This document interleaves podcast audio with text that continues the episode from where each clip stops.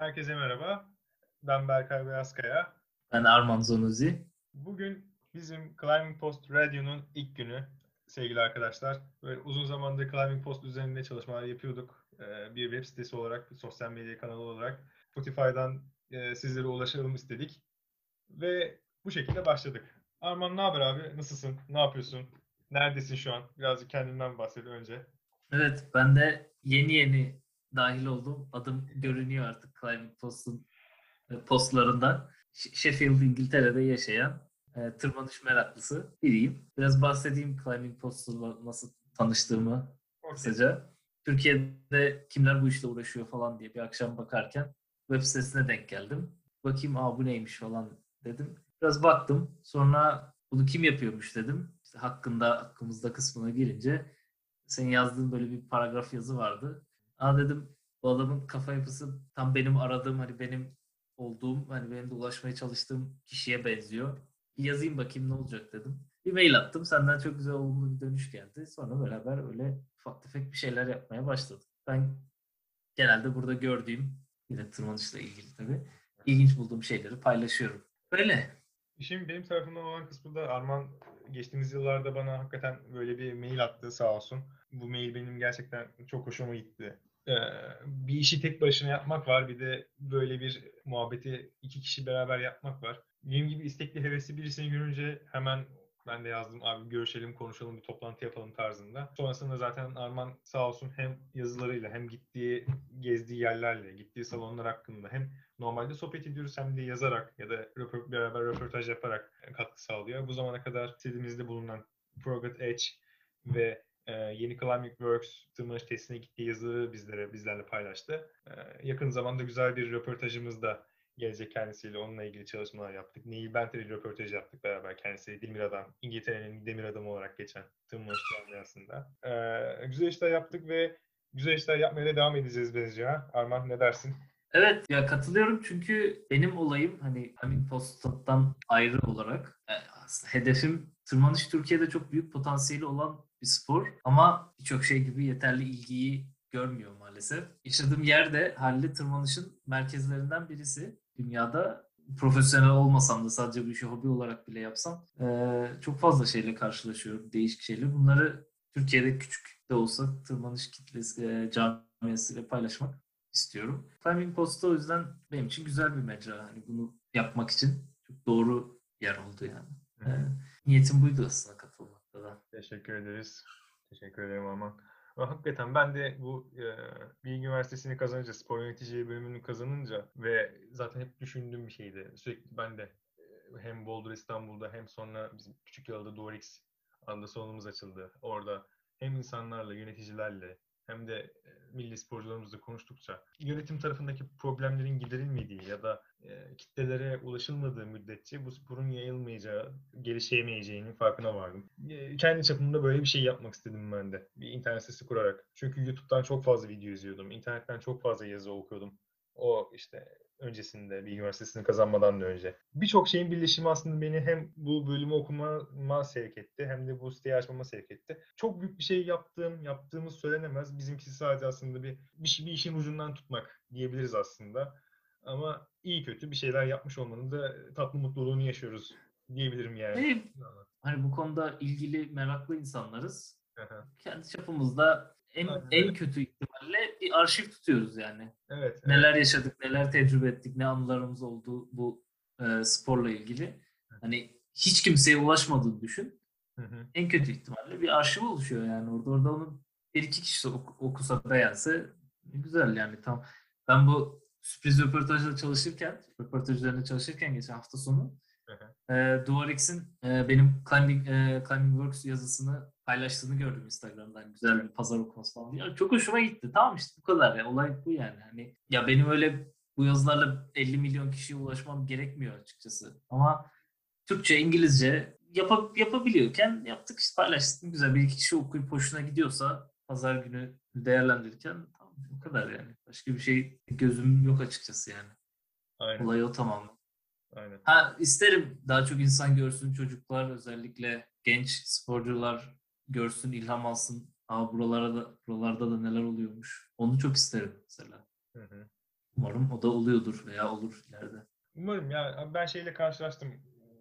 Gittiğim Dual X'te antrenman yaparken işte küçük çocuklarla ya da spora yeni başlamış üniversiteli arkadaşlarla konuşurken aa işte e, Climbing Post'ta bir yazı okudum onun editörü sen misin tarzında böyle e, tatlı ufak geri dönüşler almıştık. Yani çok mutlu ediyor insanı. Yani farklı insanlara ulaşabiliyoruz. En azından bunu gördüm.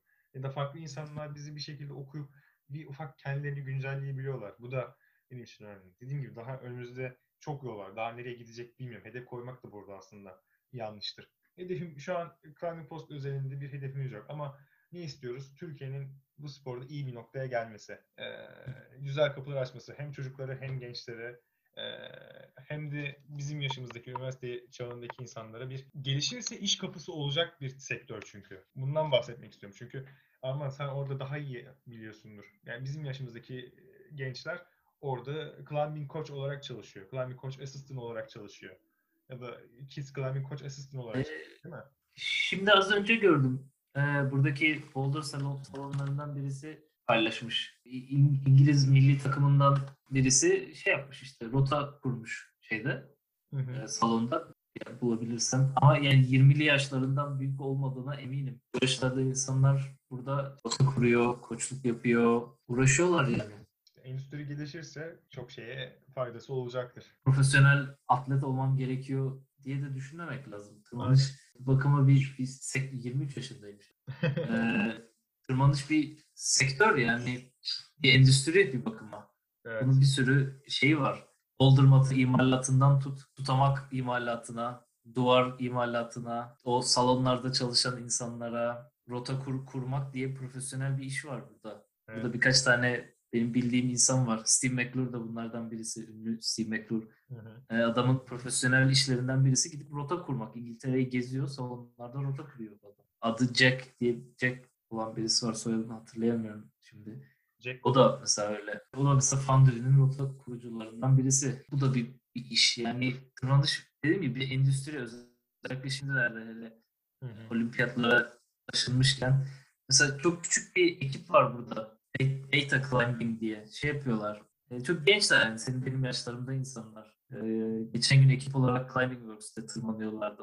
Clip, clip stick denilen bir şey var ya spor tırmanışta ilk eksprese ipi takmak için kullanılan böyle bir sopa var. Evet. O Sheffield'da yapılıyor işte. Onu yapan şirket. Hmm. Çok küçük şeyler. Evet. Bu çok bunlar küçük bir şirket. Sheffield merkezli bir şirket bunlar. E, yaptıkları işte plastik böyle uzayan teleskopik sopalar yapmak. Ucu aparatı özel işte. Espresso onun içine takıyorsun. İp de ona bağlı. Gidip ilk bu şeye takıyorsun. Emniyet almak için. Burada Peak District'te nereye gitsen görürsün. Herkeste var. Herkeste olan bir şey. Evet Avrupa'da çok Evet. kullanılan bir şey yok. Benim de izlediğim çoğu videoda denk gelmiş. Evet. Burada özellikle ilk botlar biraz şeyde yukarıda emniyet açısından. Yani mesela bun- bun- bunlar hep ucundan orasından burasından sporu destekleyen, endüstriyi destekleyen şeyler. İlla insan benim profesyonel sporcu olmam lazım. 8 AB 9'lar tırmanmam lazım diye düşünmeme, düşünmesine gerek yok yani. Kesinlikle. Ya Beastmaker evet. var. var. O da Sheffield merkezli. Lattice Training şirketi. Tamamen spor bilimi üzerine çalışan bir şirket. Onlar da Sheffield merkezli. Ee, Adamlar tırmancılar evet ama aslında spor bilimci hepsi. Üniversite hocalarıyla falan çalışıyorlar. Bayağı bu işin detayına iniyorlar. Evet. 2-3 tane sadece tırmanışa odaklanan fizyoterapi merkezi var. Özellikle parmak tendonlar üzerine çalışan. Hı hı. Ki o sakatlıklar da çok e, yaygın olur. Sağlam. Ve Sheffield'da da çok görünüyor haliyle. Yapacak bir şey yok. Orası da sert coğrafya yani. Kayaları E, e şey E klasmanıyla derecelendiriliyor şimdi. Sen de Aynen. Bentley röportajında da bahsetmiştik. Equilibrium rotası, büyük kaya blokları çok az emniyet noktasıyla geleneksel tırmanış mantığıyla boulder e, mantığının karışımı gibi aslında. Zor rotalar. Yani İngiltere'nin kendine has bir tırmanış stili var. Ki orada da e, en en iyi ihtimalle tendonlar sakatlanır zaten.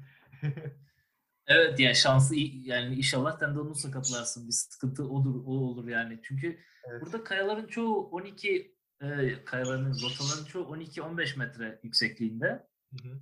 Haliyle ben bunun içine 3 tane takoz takıp emniyet al- almakla uğraşmayacağım. Boulder gibi tırmanan çok insan var. Hal- Haliyle free solo tekniği burada çok yaygın. İnsanlar geliyor bam güm tırmanıp devam ediyorlar. Hani sen e, thread tırmanacağım deyip bir rotayı bir saatte tırmanırken onlar 7 tane rota tırmanmış oluyor. Özellikle yaşlılarda çok görülüyor. Haliyle öyle do- yani kayalarda aşırı yüksek olmayınca yani yapılabilir oluyor bir yerden sonra. Hele güzel e, crack climbing tekniğinde varsa bir Evet. sıkıntı olmuyor açıkçası. Gene Yani yapan çok var. Gene gene ama bir e, minder, bir crash pad kullanıyorlardır diye düşünüyorum. Kullan, kullanmayanlar da vardır. Çok var, çok var. Şey yapmıyorum, hani e, desteklemiyorum, ben yapmıyorum. Yapmayı da düşünmüyorum yakın zamanda. şey bir gün E, ama demiyoruz ama bu bir gerçek. Kültür yani. Ya ben evet ya bu bu buranın bir kültürü. Evet. Zaten spor tırmanış neredeyse yok. Olanlar da zaten aşırı zor. Genelde thread tırmanış. Onun da mesela bizim thread tırmandığımız hattın yanında boulder yapanları gördüm ben. Bizim yanımızda mat falan olmadan. Adamlar geldiler, sırt çantalarından ayakkabılarını çıkardılar, başladılar rotaya çıktılar yani. Biz yanlarında thread yapıyorduk. Bu- Buranın kültürü açıkçası. Zamanında şeylerle, Joe Brown'larla başlamış, sonrasında Jerry Moffat'larla devam etmiş. Şimdi de günümüzde azalsa da devam eden bir kültür. Evet. Seni en çok etkileyen bölge neresiydi? Peak District bu arada Sheffield ile Manchester'ın arasındaki yeşil alan. Hı. Yeşil alan dediğim iki şehirden de daha büyük bir yeşil alan. Yani yüz, ölçümü devasa bir, bir yer. Bunun içinde çeşitli çeşitli bölgeler var. Ee, oralarda tırmanış yapılıyor. Zor bir soru sordun. Beni en çok etkileyen. Mesela Stanage çok ilginç bir yer. Çünkü Stanage 3 mil uzunluğunda 5 kilometreye yakın bir yer. Ve tamamı tırmanılabilir kaya yani. 2000'in üzerinde rota var orada. Ya bu bile yeterince etkileyici aslında. Hani Evet. gidiyorsun bir yerine bir bakıyorsun. Ya abi Stanage'a park edebileceğin dört farklı araba park yeri var. Hepsinden farklı bir sektörüne gidiyor. Hepsi aynı kaya aslında. E, Kayanın devamı yani. Burada thread yapılıyor. Boulder için böyle kayalar da var. Tek başına sağda solda duran kayalar da var. Aynı zamanda paragliding falan da yapılıyor. Çünkü kayanın aşağısından yukarı bir rüzgar var Hmm. sürekli. Ee, devamlı. Biri yukarıda mesela emniyetteyse aşağıdakiyle konuşamıyor rüzgardan dolayı. Yukarı çıkıyorsun mesela rotayı bitiriyorsun, arkanı dönüp oturuyorsun, bir rüzgar esiyor. Ee, aşağıdakiyle iletişim pek yok. Burada paragliding de yapılıyor. 12-15 metre civarında yükseklik farkı olmasına rağmen e, rüzgar alanlar oradan bayağı yükseliyorlar. O mesela çok etkileyici. Ama bunun yanında mesela Frogat da çok güzel bir yer. Frogat da rotaları açısından çok güzel. Çünkü Frogat slab rotalarıyla ünlü bir yer. Baktığında bunu insanlar nasıl tırmanıyor diyorsun. Çünkü kayanın üzerinde bir çentik bile yok. Yani hadi ayakkabı kaymaz tamam. Onlar tutar da ellerinde nereyi des- tutuyorsun? Kendini nasıl destekliyorsun? Ya aslında tam ayakları kullanmalık, tam tırmanış tekniğine oturması için ideal bir yer anlattığına göre. Evet. Yani fotoğraflarını görmek. Evet, açıkçası Peak District'te pek yok şey yok zaten. Ayağını koyacak yer rota, en basit rotada bile pek fazla yok. Genelde smearing deniyor. Direkt ayağını kayaya yaslıyorsun, büküyorsun haliyle parmaklarını. Ayakkabı tutuyor yani. Ona alışmak gerekiyor burada. Tutuyor da ilginç bir şekilde. Kaya biraz şey çünkü bildiğimiz anlamda bir taş değil aslında kum gibi bir şey. Ama bir malzemeyle bir arada tutuluyor. Sen de ayağını kayaya dayadığında o kaymıyor. Daha böyle pürüzlü bir yüzey oluyor sanki değil mi? Çok acayip pürüzlü bir yüzey. Ellerini falan mahvediyor o yüzden. Kesiyor yani bazı mesela bazı böyle ufak kum taneleri elini tuttuğunda kesiyor bayağı. Acıtıyor bazı tutamakları tutmak da zor oluyor mesela bu yüzden. Normal tırmanış ayakkabılarını da aşındırır bayağı. Normal süreçten. Acayip çok hızlı aşındırıyor. Benim vardı bir ayakkabım karantina zamanı aldım. Yaz boyu dışarıda tırmandık. Neredeyse içeride hiç kullanmadım. 2-3 ayda gitti. Karantina bitince şey yaptım. İçeride başladım kullanmaya. Bitti ayakkabının şeyi. Yeni işte yeni taban. Al bak bu da başka bir sektörün başka bir şeyi. Evet. Ee, ayakkabıcı Foundry ile beraber çalışan bir yer. Foundry'ye bıraktım ayakkabılarımı. Onlar hallettiler. Yapıldı Hemen geri geldi. hallediyorlar, Tekrar taban takıyorlar değil mi? Evet Foundry'den gelip alıyormuş bunlar her hafta. Hangi kauçuğu takılacağını da seçebiliyorsun. İstersen normal ayakkabının kendi kauçuğundan farklı bir şey de yap seçebil isteyebilirsin. Şey vardı. XS, Grip, XS Grip 2, XS Edge. Evet, benimkilerde XS Edge vardı. Aha. Turuncu Instinct'ler Scarpa'nın. Mesela istersem ona XS Grip 2 de taktırabilirim. O zaman mavi Scarpa oluyor, mavi Instinct'ler oluyor direkt. bir form do- dolduruyorsun, orada seçiyorsun ne, ne, ne olmasını istediğini. Mesela bu, Ve direkt ayakkabının şeklinde geliyor. bu uzun bir süre Türkiye'de sorun oldu. Nihayet Resol ekibi Türkiye'de başladı. Onlara da selam olsun buradan eğer dinlerlerse. Evet, çok Yani güzel. Sanırım tecrübe olarak da Yeni yeni çözüldü. bayağı zor bir iş. Evet zor bir iş. Tecrübe gerektiren bir iş. Ya sadece kauçukları almak yetmiyordur büyük ihtimalle. O Çünkü şekli falan da çok acayip yani. Sonuç- Üç boyutlu bir şekli var, kıvrımları var. Evet yani neredeyse her ayakkabının bir tabanlığı var böyle. O tabanlığa takıp ona göre yapıyorlar. Yine e, senle beraber ortaklaşa yaptığımız bir çalışmaydı. Sevgili Fred Nicole ile röportaj yapmıştık. Fred Nicole direkt o işlerle ilgileniyor aslında. Kayatın bulaş ayakkabısı yapıyor ve onları yenilemesiyle uğraşıyor. Çok meşakkatli bir iş, çok deneyim isteyen bir iş. Evet, Türkiye'de yapılıyor olması da çok güzel ya. Geri dönüşüm açısından. Tırmanış ayakkabısı özellikle hani ayakkabının kendisi senin ayağının şeklini alıyor zaten. Ben bu bahsettiğim ayakkabılarda mesela baş parmağımın falan gireceği bir oyuk oluşmuş yani tabanında. Şimdi yeni bir ayakkabı alsam o yok yani. O olmayacak. Veya ayakkabının kıvrımı mıvrımı senin şeklini alıyor bir yerden sonra. Bir yere kadar koruyorsun neticede. Destekliyorum. Kesinlikle. Geri dönüşüme önem vermemiz gerekiyor. Bir de hani malzemeleri o süreklilik açısından, sürekli şekilde kullanmak açısından. Evet. Tabii özellikle tırmanışta bir açık hava sporu, doğayla yapılan bir spor. E, Doğaya verilen zararı en aza indirmek lazım. Bizim de çok dikkat ettiğimiz bir şey. Ne zaman dışarı çıksak bir boulder'da işimiz bittiğinde temizliyoruz damakları fırçayla olabildiğince tozun izini e, yok etmek için. Bu güzel bir kültür. Bu da burada olan bir kültür. Hani ben bu haliyle bizim üstün doğa merakımızdan ortaya çıkmış bir şey değil. Gördük yani başkalarından. Biz de öyle edindik o şeyi. Tamamen yok etmek mümkün değil. Hele popüler rotalarda artık yerleşmiş yani bir bakıma. Evet. Yok etmek için kayayı aşındırman lazım. Ama elimizden geldiği kadar yani en azından Peki ama sana iki tane sorum olacak bu konu kapsamında. Ne zamandan beri İngiltere'de yaşıyorsun? Hem takipçilerimiz açısından da bilmeleri için. 2017 Eylül'ünden beri ben İngiltere'de yaşıyorum. Yüksek lisans için geldim. Ha. Sonra çalışmaya başladım o da bitince. Tırmanışla uğraşmaya da 2018'de başladım. Peki orada şeyi nasıl görüyorsun? Mesela gittiğin tırmanış bahçelerinde oradaki kitlenin, oradaki komünitenin doğaya yaklaşımı, onlar da böyle sizin gibi çöplerini topluyorlar mı? Ee, sen de az önce bahsettin. Rotada inerken tutamağı temizliyorlar mı? Burada bir hassasiyet var mı? Senin böyle gör- gördüğün, dikkat ettiğin. Ya tabii ki her türlü insan her yerde var. Hani ona yapacak bir şey yok. Ama genel olarak insanlar bayağı dikkatliler konuda. Parmağına sardığın teypleri bile olur da yere düşerse onları alıyorlar insanlar. Bulduğun şekilde bırakmaya insanlar dikkat ediyorlar tabii ki. O tırmanış sektörüne çok güzel yerleşmiş bir şey. Bunun dışında e, başka güzel huylar da var benim gördüğüm. Hı. Mesela sen bir rotaya başladın diyelim. Hı hı. Lider tırmandın. Trend bir rota tırmandın. Tepedesin. Biley istasyonunu kurdun. Ben de peşinden geldim. Ben de tırmandım. Şimdi senin de benim de eşyalarımız yer, aşağıda kaldı. Rotanın altında kaldı. Cep telefonlarımız, cüzdanlarımız, ekipmanlarımızın geri kalanı, arabanın anahtarları her şey orada kaldı. Bu hiçbir sorun olmuyor. Biz o rotada orada kalabiliriz, muhabbet de etsek. Kimse de gelip e, bunları ellemiyor. Yanından geçip gidiyorlar. Diğer tırmanıcılardan bahsediyorum. Veya yürüyüşe gelmiş başka insanlar varsa.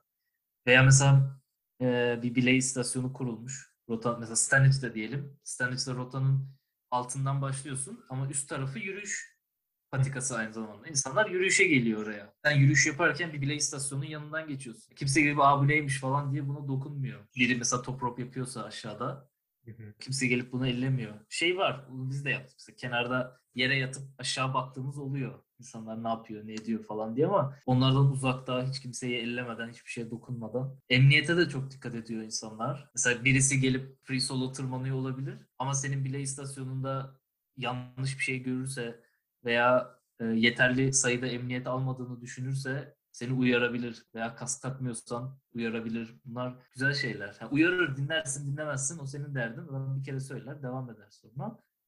Ama söylüyorlar. Bariz bir hatan varsa söylüyorlar. Güzel huylar var yani genel olarak. Güzel olan bunun içeriye de içeri kapalı alan tırmanışına da taşınmış olması. Bütün tırmanış salonlarında burada bir tanesi hariç hiç- hiçbirinde kilitli dolap yok. Gerek yok. Kimse bir kimsenin bir şeyini çalmıyor çünkü. Böyle boş, içi boş raflar var. Onların içine çantanı bırakıyorsun. Ben bırakıyorum cüzdan, telefon, anahtar her şey. Kimsenin yanından geçtiğini görmedim. İnsanlar önünde duruyor, yaslanıyorlar, muhabbet ediyorlar, çay kahve içiyorlar ama kimsenin ellediğini görmedim açıkçası. Yani insanlar her yerde bırakıyor yani eşyalarını. Kimse de kimseyi ellemiyor. Bayağı benim çok hoşuma giden bir Ya bu bahsettiğim noktalar abi hep aslında e, bir kültürün devamlılığı ve aslında o oradaki insanların o kültürü sahiplenişi. Yani ben öyle düşünüyorum. Gerçekten orada bir kültür başlamış. Tırmanışın kökeni 1900'lerin başına kadar gidiyor burada. Evet.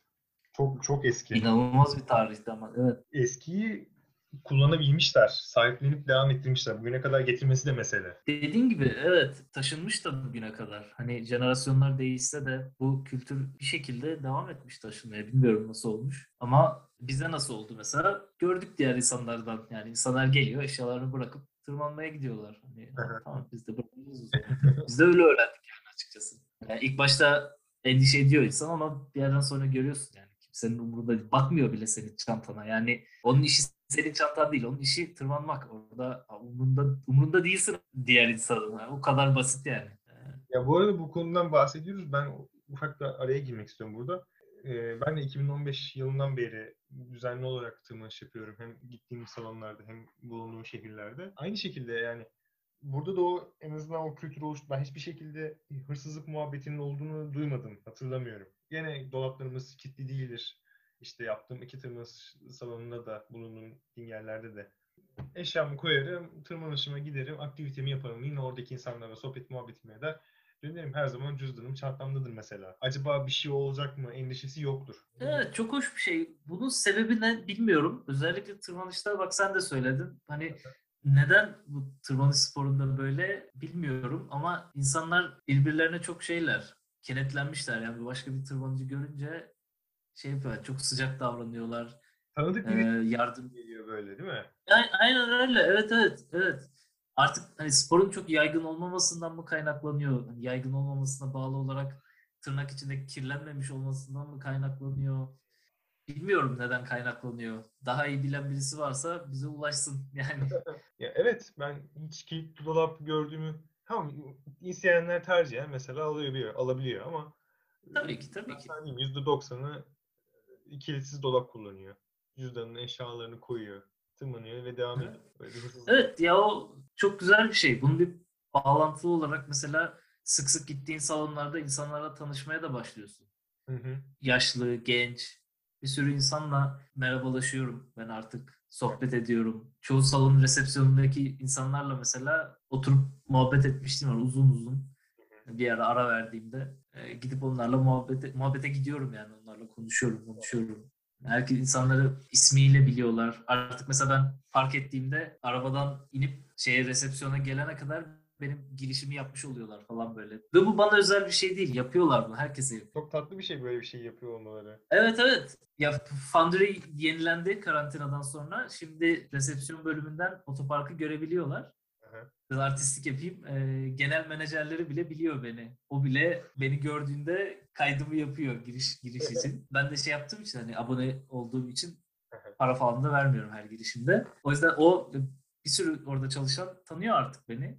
Öyle ufak bir artistlik de yapmış olayım öyle. Ufak bir artistlik yapmak istiyorum burada sevgili dinleyenler ve sevgili Arman. Türkiye Tırmanış Camiası gerçekten küçük bir camiadır. Hele İstanbul'daysanız bu çember birazcık daha daralıyor olabilir. Ben genel olarak evim yakın olduğundan dolayı Doğrex'e gidiyorum ve orada sevgili Sercan İkbal, buradan selamlar kendisine dinlerse. İşte Sercan abi o girişteki resepsiyondaki Ozan abiler işte buradaki arkadaşlar hepsi görünce mutlaka bir benim 15-20 dakikam oradaki insanlarla muhabbetle geçiyor zaten. Abi ne yaptın, ne ettin? İşte bazen okul ya da iş muhabbetlerinden dolayı geç gidiyorum ya da e, bazen aksatıyorum e, tırmanış rutinimi. Neredesin, niye gelmedin? Böyle o tatlı bir tatlı bir böyle hesap sorma muhabbeti oluyor. Hani neredesin, niye gelmedin, işte şu rotaları yapsana gibisinden. Bu güzel oluyor. Oradaki kitlenin beraber kaynaşması, beraber birbirine Geri geldiğinde kol kanat gelmesi güzel şeyler. Yani inşallah bu büyüme sağlıklı bir şekilde, temiz bir şekilde devam eder. Türkiye'de de böyle olması çok hoş. Geçen gün Climbing Works'e gittik. Hı hı. Bir resepsiyonda giriş yaparken e, nereden konu açıldı bilmiyorum. Şey dedi arkadaş, biz genel olarak Foundry'deyiz. Foundry'de tırmanıyoruz dedi. Neticede rekabet ediyorlar bunlar birbirle. Sheffield'ın en eski iki tırmanış salonu bunlar şu anda. Haliyle rekabet ediyorlar. İşler yani. Business yani bunlar. Ee, adam şey dedi. Ha, ha ne güzel. Biz e, Foundry ile bizim de şeyimiz var. Hani arkadaş biraz söylerken çekindi haliyle. Biraz utandı. Ha, bizim Foundry ile bir anlaşmamız var ya. Ee, biz Foundry'e gittiğimizde bize indirim uyguluyorlar. Onlar bize geldiğinde biz de onlara uyguluyoruz dedi. Çalışanlar arasında böyle bir ortaklaşa anlaşma varmış. Ya, güzelmiş bak bu. Çok güzel bir şey evet. Yani benim çok hoşuma gitti. Birbirlerini kazıklamıyorlar mesela. Evet evet birbirlerini kazıklamıyorlar veya birbirlerinden bir şey gizlemiyorlar yani. Bayağı, bayağı hoş bir şey. Bu tarz ilişkiler hep birlikte sporun ilerlemesini sağlıyor sonuçta. Uzun vadede bundan hem Foundry kazanıyor hem Climbing Works kazanıyor. Gittiğim tırmanış salonları İngiltere bazında e, çoğun neredeyse hepsi bir ulusal federasyona bağlı değil mi? Bu konu hakkında. Ulusal federasyona bağlılar evet. Evet bir e, bunları kontrol eden bir yapı var. Evet. Ona bağlılar. Bir para alıyorlar. Bunlardan destek alıyorlar. Mesela Climbing Works yanlış bilmiyorsam bunları federasyona kurulduktan sonra katılmış ilk salon ve aldıkları para bu farklı seviyeleri var mı bilmiyorum. Hani farklı miktarlarda paralar alıyorlar mı bilmiyorum. Ama Climbing Works özelinde bu yazıda da bahsettim ondan. Aldıkları para karşılığında e, milli takımı ve profesyonel atletleri desteklemeleri bekleniyor. Kurdukları rotaların kalitesiyle, kullandıkları tutamaklarla, e, duvarların çeşitliliğiyle işte slabler olsun, eğik duvarlar olsun bilmem ne. Genel olarak o parayı bu şekilde geri ver, vermeleri bekleniyor bunlardan. Foundry de aynı şekilde. Foundry'nin de mesela Team Foundry diye bir takımı var. Çocuklar, e, genç tırmanıcılar orada eğitim görüyor. Aynı şekilde e, aslında bu işin herhalde en büyük gideri rota kurmaktır. Yani hele Foundry'de lider rotaları falan olunca onların onların onları kuracak kişilerin paralarının ödenmesi, tutamaklar, tutamakların bakımıydı bilmem nesi. Kurum var yani evet. Bunları destekleyen. Merak ettiğim bir şey sorayım. Şimdi tırmanışla uğraşan iki farklı insan grubu var diyeyim.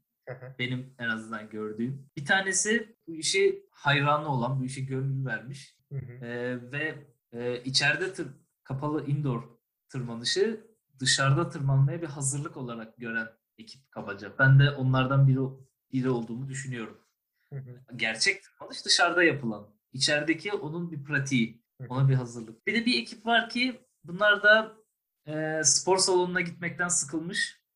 Biraz çeşitlilik arayan. E, tırmanış da sonuçta vücut ağırlığına yapabileceğin oldukça keyifli ve ilginç bir spor. Adrenalin boyutu da var. Böyle yapan bir grup. E, dışarıda tırmanmaya çok şeyi olmayan, ilgisi olmayan, e, gelip salona en kahvesini içip tırmanan diyeyim. Bu durum, böyle bir durum Türkiye'de de var mı? Böyle bir ayrım mümkün mü? Olabilir mi? Yani burada şöyle e, konuyu açabiliriz. Bu buradan şeye bir atıfta bulunacağım.